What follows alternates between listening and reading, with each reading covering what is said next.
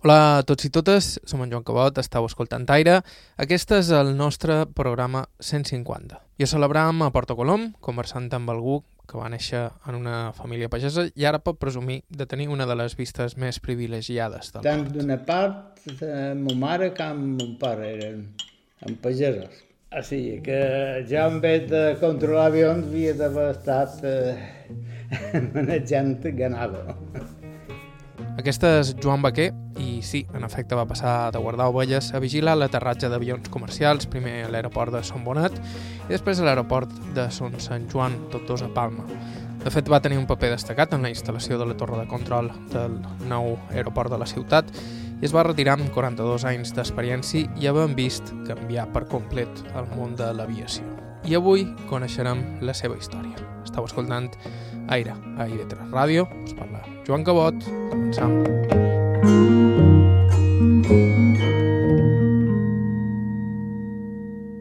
Jo feim a Falanich, on va néixer Joan Baquer, de nom complet. Joan Baquer Proens.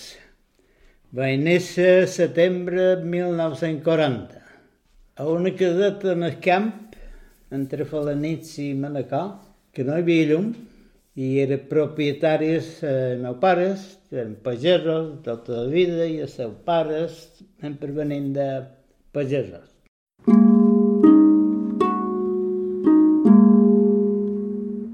En els 4 o 5 anys me van traslladar a la nit per qüestions familiars d'una tia tal i qual i varen viure a la nit 5 anys o 6.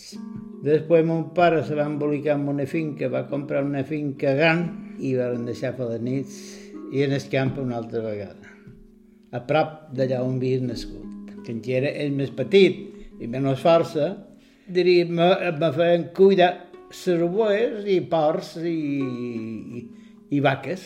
Ja quan tenia 11 anys, que varen tornar al camp, vaig deixar l'escola. Sé que mon pare va rebre una notificació de l'Ajuntament que no m'havien trobat a cap escola i vaig haver de, de matricular en el camp, en una casa de fora de vila que hi havia un mestre i me van haver de matricular allà. Hi havia quasi dos quilòmetres, línia recta, anava caminant línia recta a l'escola. I allà ensenyava un mestre, jo crec que era mestre oficial, però no ho sé, pareixia més bé un mutilat de guerra. I ensenyaven eh, el que se deia les quatre regles i, i res més. Una casa normal, una vivienda normal, amb dues taules amb llargueres, nens i nines a cada part mesclat, i en el fons era una botiga. sí. Així mateix, en Joan havia après un poc de lletra els anys anteriors, quan la seva família encara vivia al poble. Record que vaig fer la primera comunió, bueno, me varen posar les monges, que ma mare tenia una tia monja tal, me varen posar les monges i vaig fer la primera comunió allà. Després el meu germà, que és tres anys major que jo, va entrar d'escola net a la iglesia i ja després de la comunió, un any després, també me, vaig fer, me varen fer escola net fins als 11 anys, que me ne varen tornar.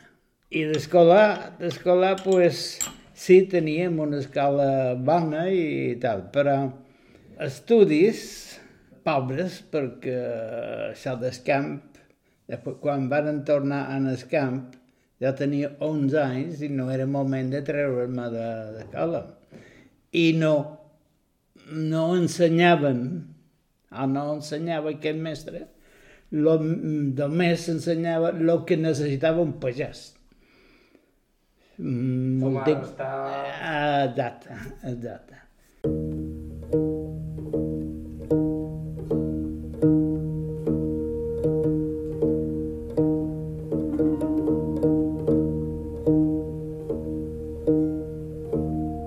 Malgrat el canvi l'agafés a contrapeu, ni el seu germà gran ni ell es varen prendre malament la tornada a la vida pagesa. No me van prendre malament, ni el meu germà ni jo.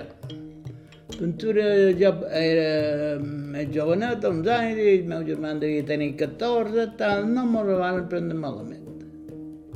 No sé si m'ho van posar la zanahòria de la bicicleta, me va comprar una bicicleta per anar al poble, no sé què, però no m'ho van prendre malament. Tenen en compte que era la postguerra, la nit era pobra.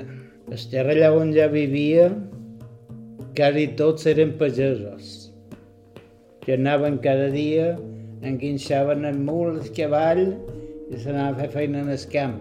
Fam no n'hi havia, si eren pagesos sempre tenien uh, pagesos caçadors, una llebre, un conill, un... tenien forn a casa seva. Així, molt primitiu tot, molt primitiu. Mon pare, quan ja en l'any 50, ja va néixer en el 40, l'any 50 va comprar una finca a prop d'allà on ja havia nascut, que on ja va néixer era propietat de mon pare, havia heredat dels seus pares. Va, va vendre el que tenia, va comprar una de més grossa, se va endeutar, etc. Hi ha una finca gran que havia pertenescut a un canta, canta mal, me pareix, que ens van canviar en el camp per aquesta casa i aquesta casa eren tres cases.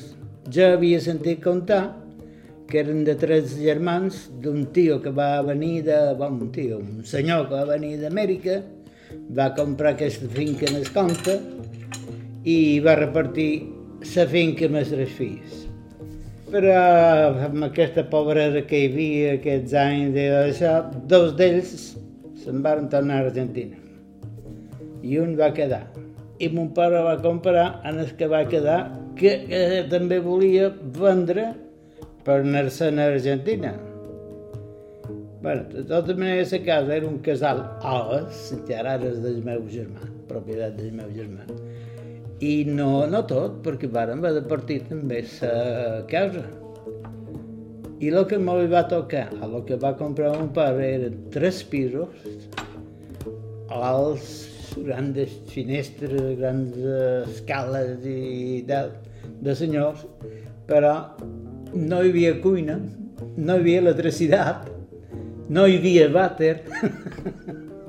Mon mare no hi volia anar. Nosaltres sí. I a poc a poc pues, se va fer una cuina i se va fer el servici. Curiosament, seria fent feina guardant ovelles que Joan Baquer, que sempre havia estat un lot inquiet, va agafar idea d'estudiar de bon de veres. Sempre li havien agradat molt l'anglès i l'aviació i poc a poc va anar trobant el seu propi camí per combinar totes dues coses. L'any 53, por ahí, so que mon pare no li bastava el que treia la finca per pagar el que devia tal i qual, i va agafar una altra finca com a mitger. I allà sí que hi havia ovelles moltes, i ja la guardava. I va deixar a guardar les ovelles, que te dona temps a pensar i a tal, que un pamfleto que vaig trobar, CCC, hi havia cursos a distància i me vaig apuntar a anglès, me vaig apuntar a comptabilitat, vaig fer cursos allà, tot el que tal, feies les uh, proves, ja hi havia els curs, els enviava a Sant, Bilbao, a Sant Sebastián, i vaig tenir molt de contacte amb aquesta casa. El curs d'inglès inclús me van enviar discos, d'aquells discos així de grossos que se rompien, amb un gramòfono aquí vaig començar a sentir anglès tal i qual, me n'anava cada dia a guardar la web, m'enduia llibre, a bé d'inglès, a bé de comptabilitat, a bé de um, geografia, um, estava tot el dia en, en llibres, la bossa plena de llibres. De com me venia això? Pues, no ho sé. Per tot si hagués estat en el poble hauria jugat amb els altres nens, però tot sol en el camp així, pues, me vaig aficionar a això. Bueno, vam estar en aquesta finca en 60 oes, record que en 60, i vam estar 4 anys, fins que ja vaig tenir 14, 15 anys, 15 anys per ahí. Després ens van tornar a la casa nostra. Sabeu que mon pare ja havia estabilitzat l'economia, varen deixar allà, perquè allà tenien també missatges i tal, i, i a la nostra ho podia fer tot. Mon pare, el meu germà, que ja tenia 17 anys, i jo que tenia 14 a casa això, ja m'ho anàvem anar a la finca de Canastra. I vaig seguir els vespres estudiant amb un llum d'oli, perquè en aquesta altra finca no teníem electricitat. Els vespres, en la bicicleta, me n'anava a Manacor, 7 quilòmetres, a classes particulars d'inglès. Tenia una cosina a Manacor, a la tenc encara és, que me va dir que sabia que anava a anglès, sabia matriculat tal, ah, ja també ho vull fer, tal. I vaig fer dos anys d'inglès amb aquest senyor. El professor era un tal Biel Fuster. Aquest era casat amb una inglesa i feia feina, eh, vamos, feia feina que seva que tenien una botiga. Però també anava amb una orquestra. No sé, m'aparia a tocar la bateria, coses d'això no era un titulat d'inglès, però en sabia, almenys pràctic, que era el que ja necessitava. Així que dues o tres vegades en l'any mos duia, mos duia, anàvem a Palma, a la Cine Regina, en el terreno, hi havia un cine petitet, hi havia bastant d'estrangers ja, ja. Bé per estudiant, perquè hi havia molt d'estudiants, i anàvem a veure una pel·lícula en anglès.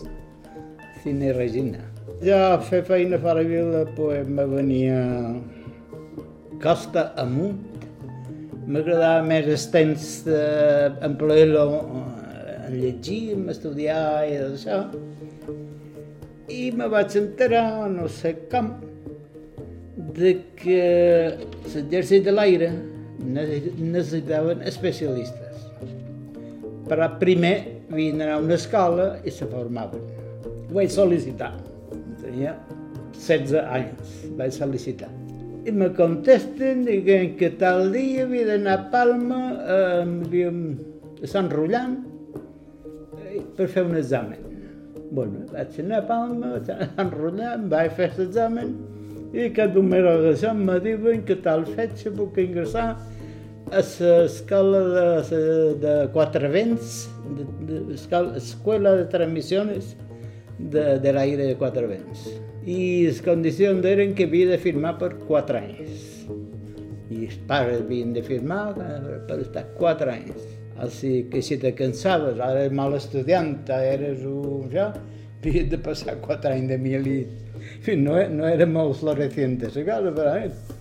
vaig anar a, a Quatre Vents, i allà un curs, vamos, hi havia jovenets de, de la meva edat, de, de gallegos, andalús, tal i qual, va fer moltes amistats i tal, i sobretot en els que ja l'anglès me duia a això que feien o tenien a anglès.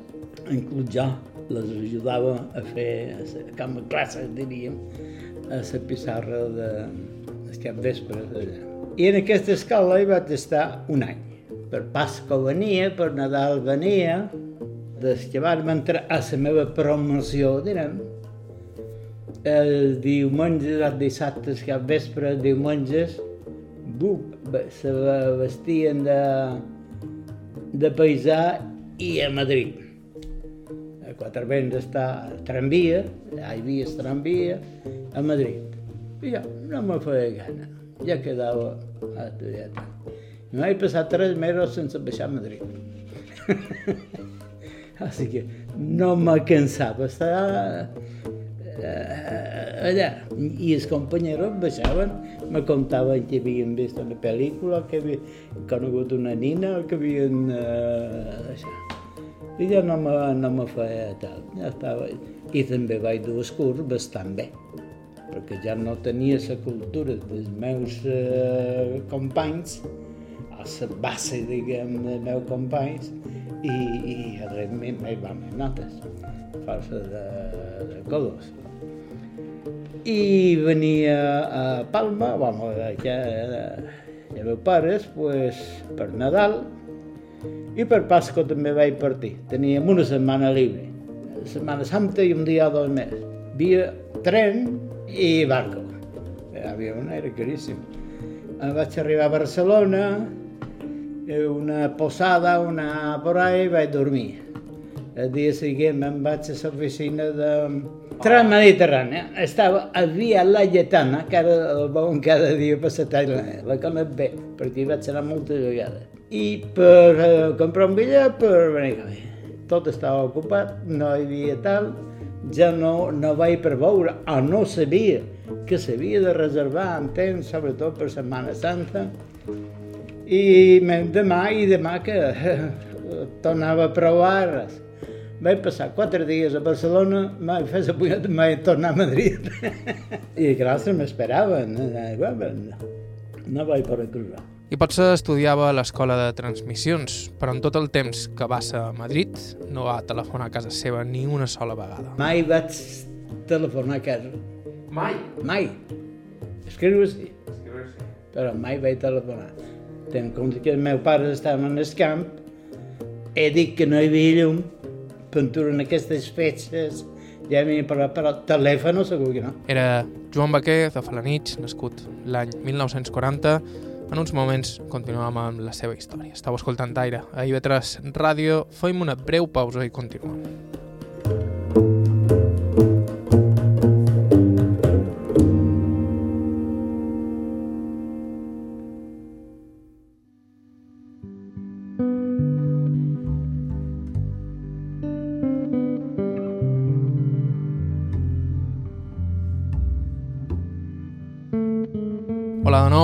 Estàu escoltant TV3 Ràdio, això és Aire, i avui som de nou per Falanich, en concret a Porto Colom, en una casa amb unes vistes increïbles sobre la sortida del port, habitada per aquest home, Joan Baquer, de professió controlador aeri. Un ofici que li va venir donat en part per la seva afició a l'anglès, un gust que li va sortir ja de petit i arrel d'un fet fortuit. L'any 47 a 8, a Mallorca varen venir un grup de nines per la península eren nins, eh, per Mallorca nines, que eren de la, després de la Guerra Mundial. L'any 46, gent que no tenia tal, i aquí, aquesta veïnada d'aquí, a casa seva, van agafar, vamos, les famílies pudientes de, del poble, van agafar una nina, tenir-la indefinidament, fins que... Tal o sabien que se'n tornarien. I ja vaig conèixer una nina d'aquestes i mos en anglès. Ella en sabia bastant i ja li anava darrere dalt i crec que és això que me vaig aficionar en l'anglès. Aquesta nina va, se'n va anar i va tornar, per dir encara, encara que eh, se diuen germanes, aquesta veïnada encara cada dia se telefonen en a Viena amb aquesta lata. Ha vingut aquí, me coneix ja, sap que ja era seu de nòvio en aquell temps, però ja te dic que... Bueno, va venir, mentre ja estava a Madrid a l'escola de transmissions, va venir a Madrid estant ja una temporada, que ja xerrava espanyol, eh, vamos. I per què me va interessar l'anglès? Pinturera per aquesta nina. Ah, també perquè tenia ganes d'anar a Amèrica, perquè l'aviació me cridava, l'aviació tot era anglès i, i volia eh, el que tenia a mano. Pilot no, no, no pots aprendre que teva, però l'anglès sí. De fet, en Joan viuria mig any a Londres en els temps en què l'espanyol per allà no estava gens ben vist. Passa durant un temps de permís, perquè tot just va acabar el curs de telecomunicacions a Madrid i li van cercar destí. Era l'any 1956 i el van enviar al Marroc, a Tetuán, l'any en què precisament el país s'havia independitzat d'Espanya. Vaig acabar el curs aquest de transmissió de Madrid i vaig agafar, me varen donar un destino zona aèria de Marruecos. La papeleta, un altre company, zona era, base aèria de Tetuán. I jo zona aèria de on vam anar junts Ell se va aturar a Tetuan, va entrar a Sebasta i ja a cercar autobús per anar a Xauen, que és allà on havia d'anar. I un autobús ja a que vespre, bastant ple, i entra un moro amb un xot a una boia així en el coll, que li penjava el cap. Ja, tenia, ja estava a la ventanilla i se seu a de vora allà.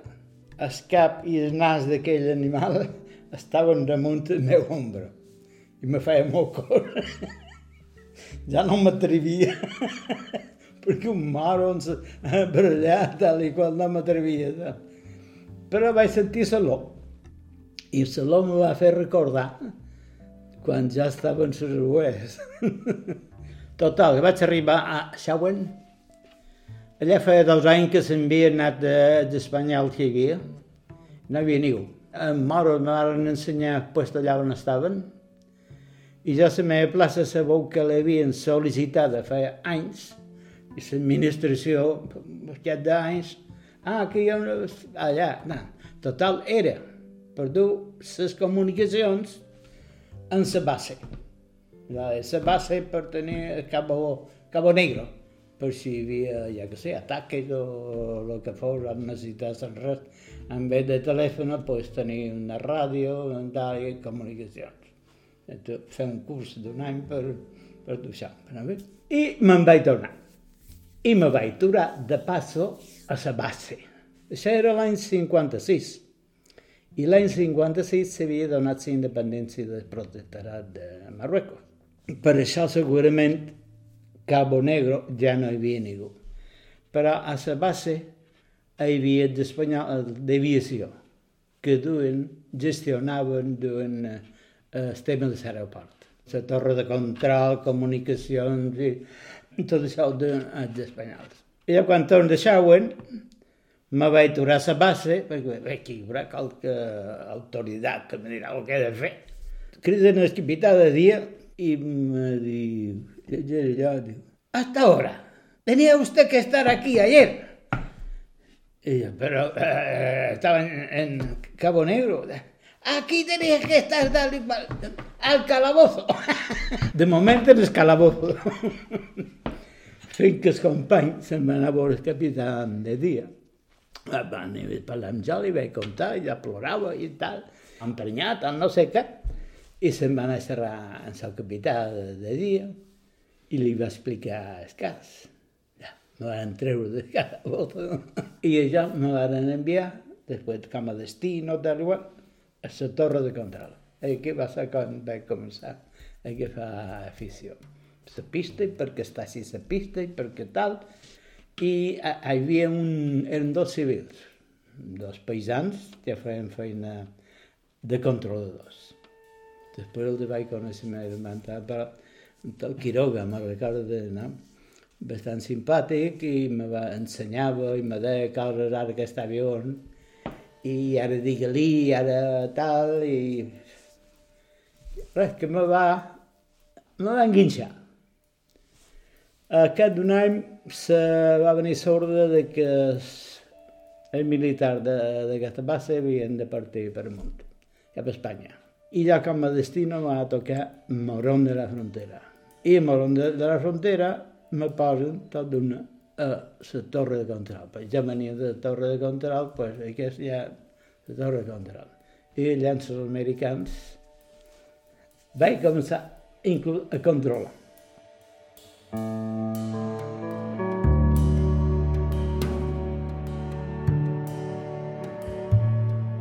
Hi havia un controlador que era un sergent, un brigada, un, un suboficial. Però els que estaven jo, o ja estava amb ell, un brigada de certa edat, tal, la base espanyola estava com un quilòmetre en fora i l'americana eh, baix. Era molt informal, bona persona, però bueno, que bevia un poquet, tal i qual, i eh, se n'anava a la base cada dia en bicicleta i tornava en bicicleta hi havia una bicicleta per relleu de... dues bicicletes per relleu de nostres. Començava a manejar, a manejar el micro, a coordinar amb els americans i sobretot a fer d'intèrpret amb els americans. un dia de 8 de, dia de 8 de juliol, és la festa d'art, allà hi havia F, avió F-86, eren caces F-86, antics més bé la guerra de Corea, tal i qual, però en aquelles fetges encara... I se van reunir quatre avions de Palma, quatre de València, quatre d'allà, tal, i amb un indicatiu vam ajuntar tot pòquer, que havien d'anar a Ceuta a fer una passada durant el desfile militar de, del 18 de juliol. I varen partir en tant d'avions, no me varen deixar tot sol, aquell, però parteixen els avions, se'n van tal i qual, i me diu, jo vaig tomar un cafè i, i res, se'n va anar, se'n va anar a la cantina espanyola a fer un cafè en bicicleta i amb això, centre de control de Sevilla, de control civil, crida, havia contacte sempre quan venia un avió, eh, me centro a la torre, crida i mira, la formació pòquer, no recordo el número, torna que per mal temps a, a Ceuta. Ceuta feia mal temps i era una xerrada passar per allà a Nicolat i ja. Teníem unes fitxes, no sé si les conec, unes fitxes llargueres que encara existeixen, no només aquí, a Alemanya i per tot, per anotar l'indicatiu de el tipus d'avió, d'allà, i malament hi ha radar avui encara les manegen els controladors. Bueno, ja vaig anotar 24, perquè n'hi havia 24, 24 avions. I l'americà, quan vaig anotar, que va omplir la fitxa, que diu, 24! I dic, com pot aquest, que és un principiant, manejar 24 avions. I venen els avions i criden a la torre tal, hi ha una situació que és inicial, que és estar enfilats a la pista i esperant l'autorització de màxim de avisa-me corta quan ja estigui més prop, si no les veus, vespre. I m'agradaria inicial, i jo m'aniria que tal, mirava si venia aquell en la bicicleta. I aquella vaig veure. Total, que me criden els avions 45 graus d'inicial, que és una alta cosa. Hi havia notifique inicial, ja enfilats. Ja no sabia, 24, ja no sabia com prendran terra 24 se pegaran uns altres. Corta final, ja, ja havia donat la pista, autorizado a aterrizar, viento tal i qual, i els cases feien una maniobra que se diu rotura pues, anaven així per damunt la pista i mitja en pista zas, se giraven i feien una base així per interacció. Els primers quatre van fer a l'esquerra i a l'esquerra hi havia B-47 americans carregats amb bombes atòmiques i estava prohibidíssim sobrevolar aquells aparatos. N'hi havia 12 sempre preparats per qualsevol alarma i els primers quatre allà, l'Amèrica pega bots per allà, no, no, no, no. I amb això, els altres quatre ja me diuen rotura. I brum. I, ah, rotura a la, a la derecha, rotura a la derecha. Ja estamos, ja estamos. Però els, els altres quatre que hi havia fins a 24 fan a la dreta. I els altres a la dreta. Sí que em vaig tenir 8 a l'esquerra, 8 a la dreta, que s'havien de juntar tots a girar un desastre. Se van cruzar.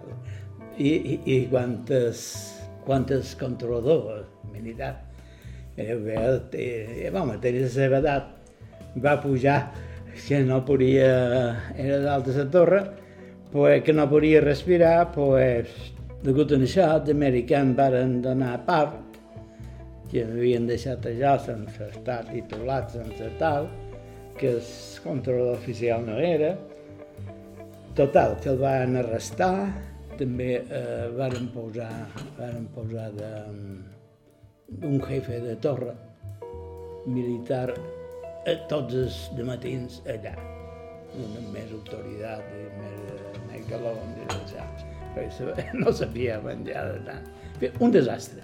Però estant allà a la torre, ja estava pròxim a complir els quatre anys que havia firmat i me va enterar, me va comunicar un companyero que a Madrid hi havia una escola per controladors civils. Jo vaig dir, vaig comptar als americans, en aquest jefe, que havia vingut tal, vaig comptar. I me diu, has d'anar, has d'anar tal i tal. I jo vaig sol·licitar, a venir provat i que tal dia, ja marcar el dia 20 de maig, hi havia l'examen. Vaig a fer l'examen, havia pintura cent jovenets allà, joves i no tan joves, per fer l'examen havien de passar 15. O sigui, el curs era per 15, 15 places. I hi vaig entrar a la sala de l'examen i vaig veure a la taula de professors aquell americà. I l'inglès de general d'aquell muchacho era més bé pobret, el meu era més bo. Tant és així que durant l'examen aquell americà, segurament per demostrar als altres que ja valia, perquè me va dir, saps llegir el que està escrit a la pissarra? I jo ho vaig entendre, en anglès, ho vaig entendre, i vaig mirar així, vaig mirar, me vaig aixecar, i amb això ja vaig veure que tot s'arrem, i no hi havia tal pissarra, no hi havia pissarra, però ho va dir per eh, a veure si què és, a veure si l'anglès no, no, no, no, no t'abastava. I vaig a provar. Vaig acabar els quatre anys i cap d'una setmana vaig ingressar en aquesta escola. Vam venir, tap, tap. Sol no vaig venir a Mallorca. Curs a l'escola de tot, de control, molt d'estudiar, molt d'estudiar, molt de simulador, simular, els vols simular. A cada un any, títol, títol de què? D'ajudante de control. I vaig demanar plaça a Palma. I me van enviar a Palma. Perfecte. Un bon sou, un sou que estava bé en comparació a la meva edat i això. Un sou que estava bé i vaig estar a Palma a Sant Bonet, era Sant Bonet. I allà vaig estar una sèrie d'anys. En concret, estaria 42 anys de controlador, primer a Sant Bonet, com ha explicat, però després a Son Sant Joan, un aeroport que hi va col·laborar a dissenyar. Vaig prendre part, vaig anar amb un helicòpter amb el jefe que hi havia de control a triar els puestos de la torre un helicòpter, tal, que t'agradaria d'aquí tal i qual, i, i vam prendre, i se va fer allà on va, va haver la torre. L'any 86, per ahí. L'any 89 van canviar de Sant Bonet a Sant Sant Joan. Amb aquell canvi, Palma entrava a l'aviació moderna, que viuria contínues transformacions i avanços fins a convertir-se en el que és ara. Joan Baquer va ser allà i ho va viure. Estau escoltant TV3 Ràdio, això és Aire, tornem en uns segons.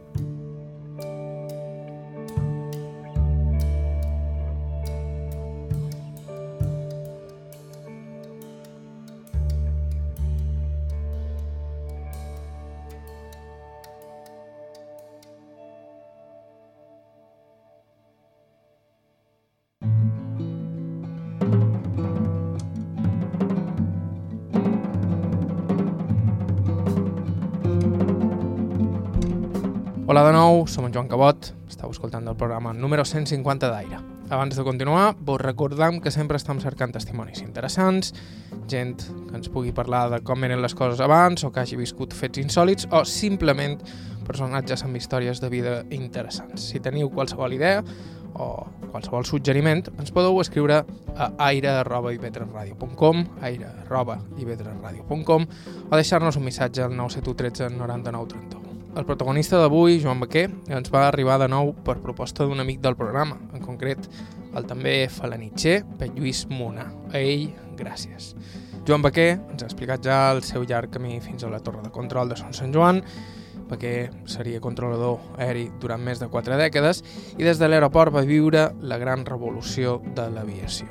De fet, quan ell va començar, ni tan sols existia el radar. Si qualcú ha d'entendre això, se controlava igual però sense radar, sense veure l'os, sense veure els avions.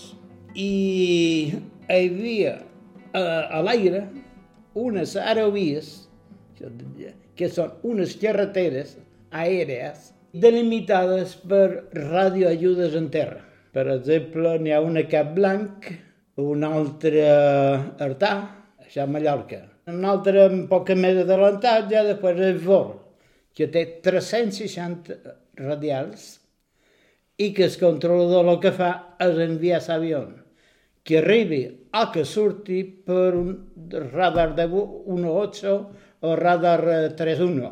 Així que en tot moment pot controlar sense veure-los. Després, què passava? Que hi havia aquestes aerovies a rutes que ja quan se publicaven els mapes aeronàutics te deia on estaven separats entre si, emitint errores, vent, eh, això. Així que tenies un avió per allà a 20.000 peus, a nivell 200 que deien altres, i un altre per aquí de sa, a tal nivell, si un anava per aquesta carretera i l'altre anava per aquesta, no hi ha pa. El problema era quan tots dos venien per la mateixa. Per resoldre això van posar que direcció sud, impars. Direcció nord, pars. I clar, malament anaven per la mateixa, un anava mil peus damunt l'altre. Però, clar, resulta de que un arribava al seu aeroport i estava i tenia cinc avions per davant. Què hem de fer?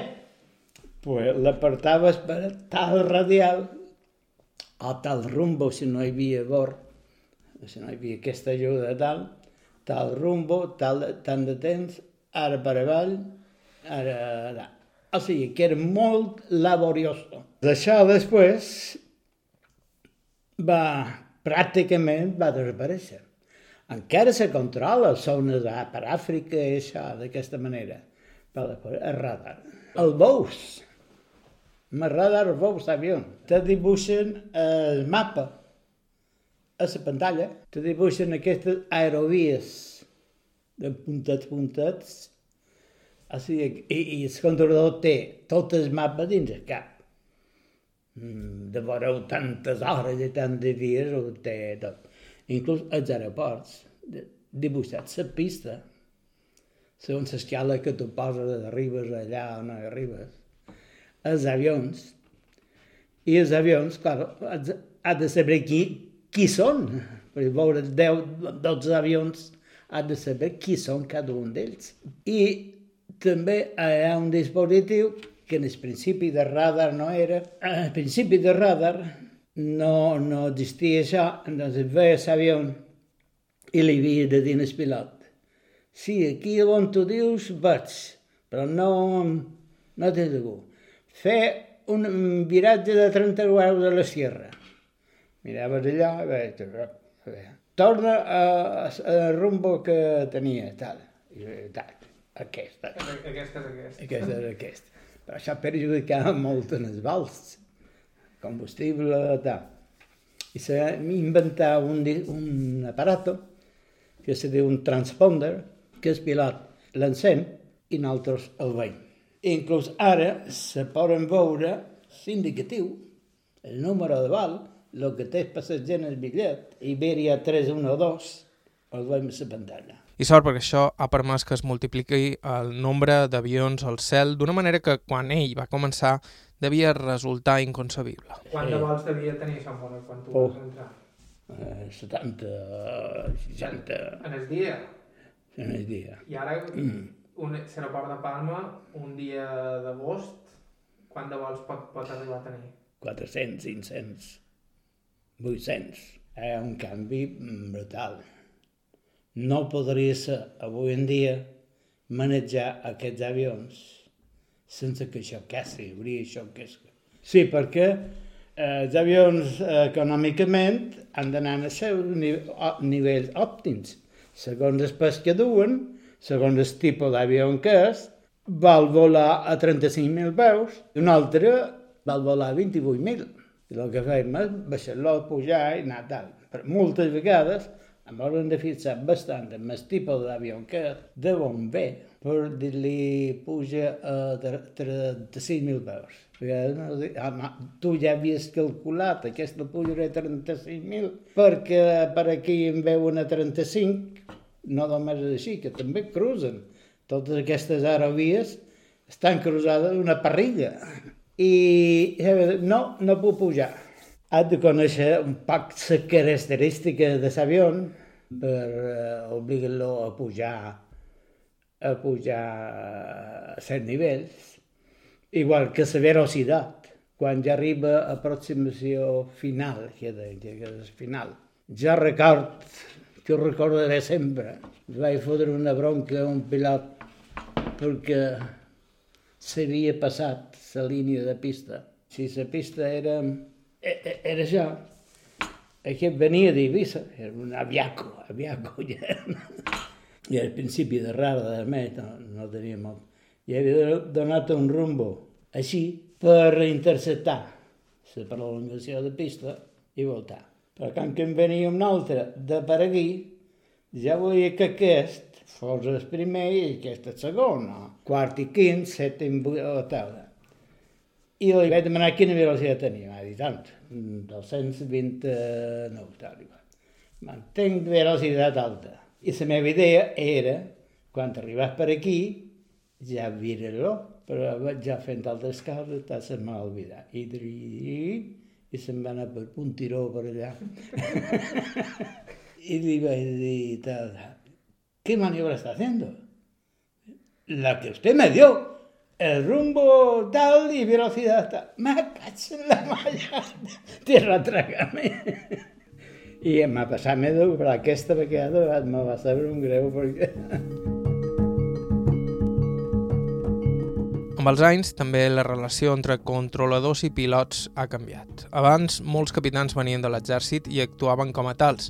En canvi, ara són els controladors els qui manen. El pilot, en el principi, que vaig venir a Sant Bonet, quasi tots els comandants, quasi tots els pilots, eren procedien de militar.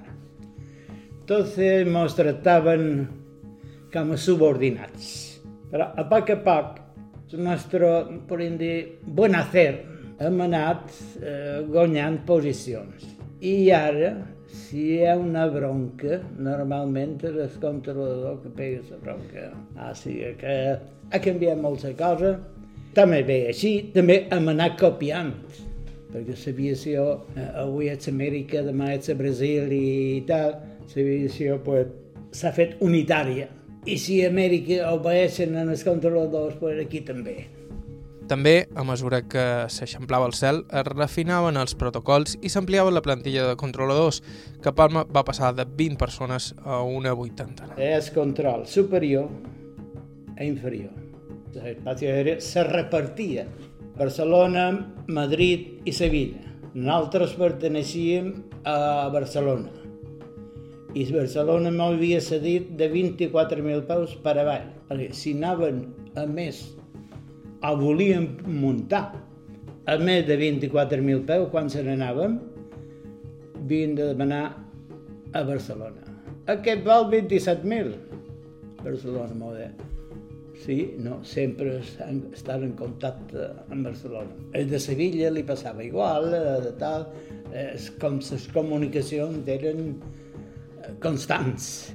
A Palma, el que se refereix a Palma, fins a 24.000 peus, que és Barcelona molt té cedit, Palma, Eivissa, Menorca, tot aquest espai era un, un gràfic.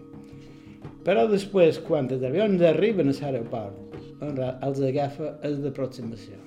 Els els duia en ruta, els passa, li diuen el pilot, comunica amb fulano de tal, amb freqüència tal i de d'aproximació és que les manetes, la velocitat, la separació, a fi de que quan un està aquí, el que per terra davant ja estigui sortint de la pista, perquè després hi ha els controladors de terra i els controladors de l'aire.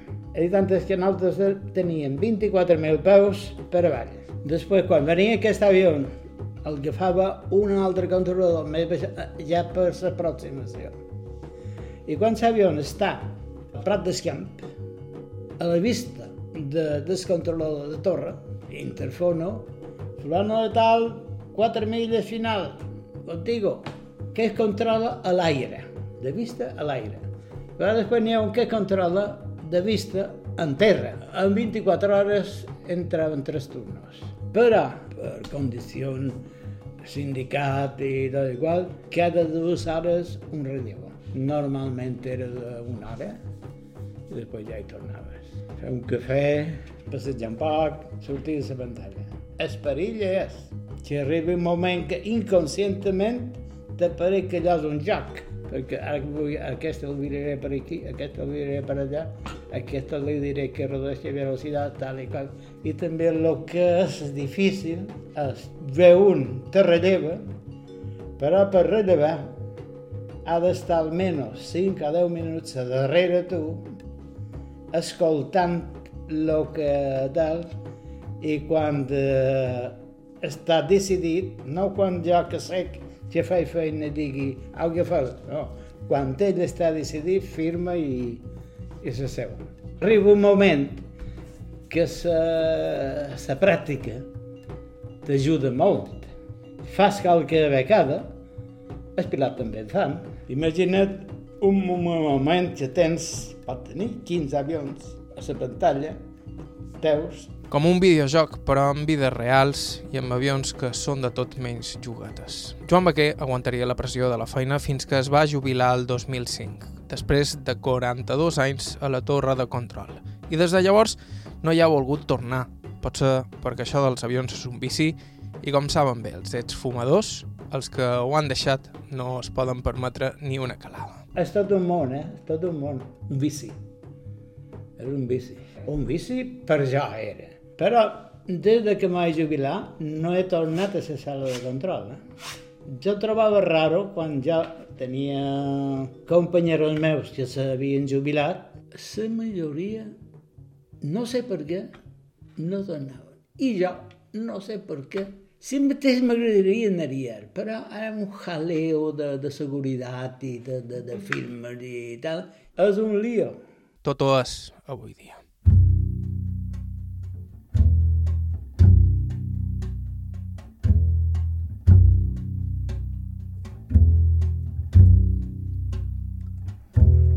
I fins aquí el programa d'avui. Moltíssimes gràcies a Joan Vaquer i la seva dona pel seu temps i amabilitat.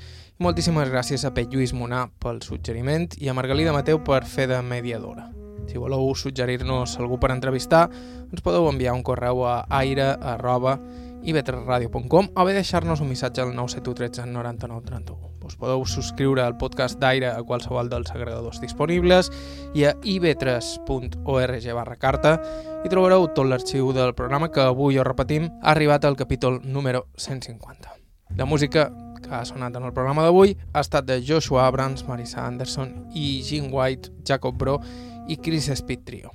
Bàrbara Ferrer, la producció executiva, vos ha parlat Joan Cabot, gràcies per ser a l'altre costat i fins la setmana que ve. Mm-hmm.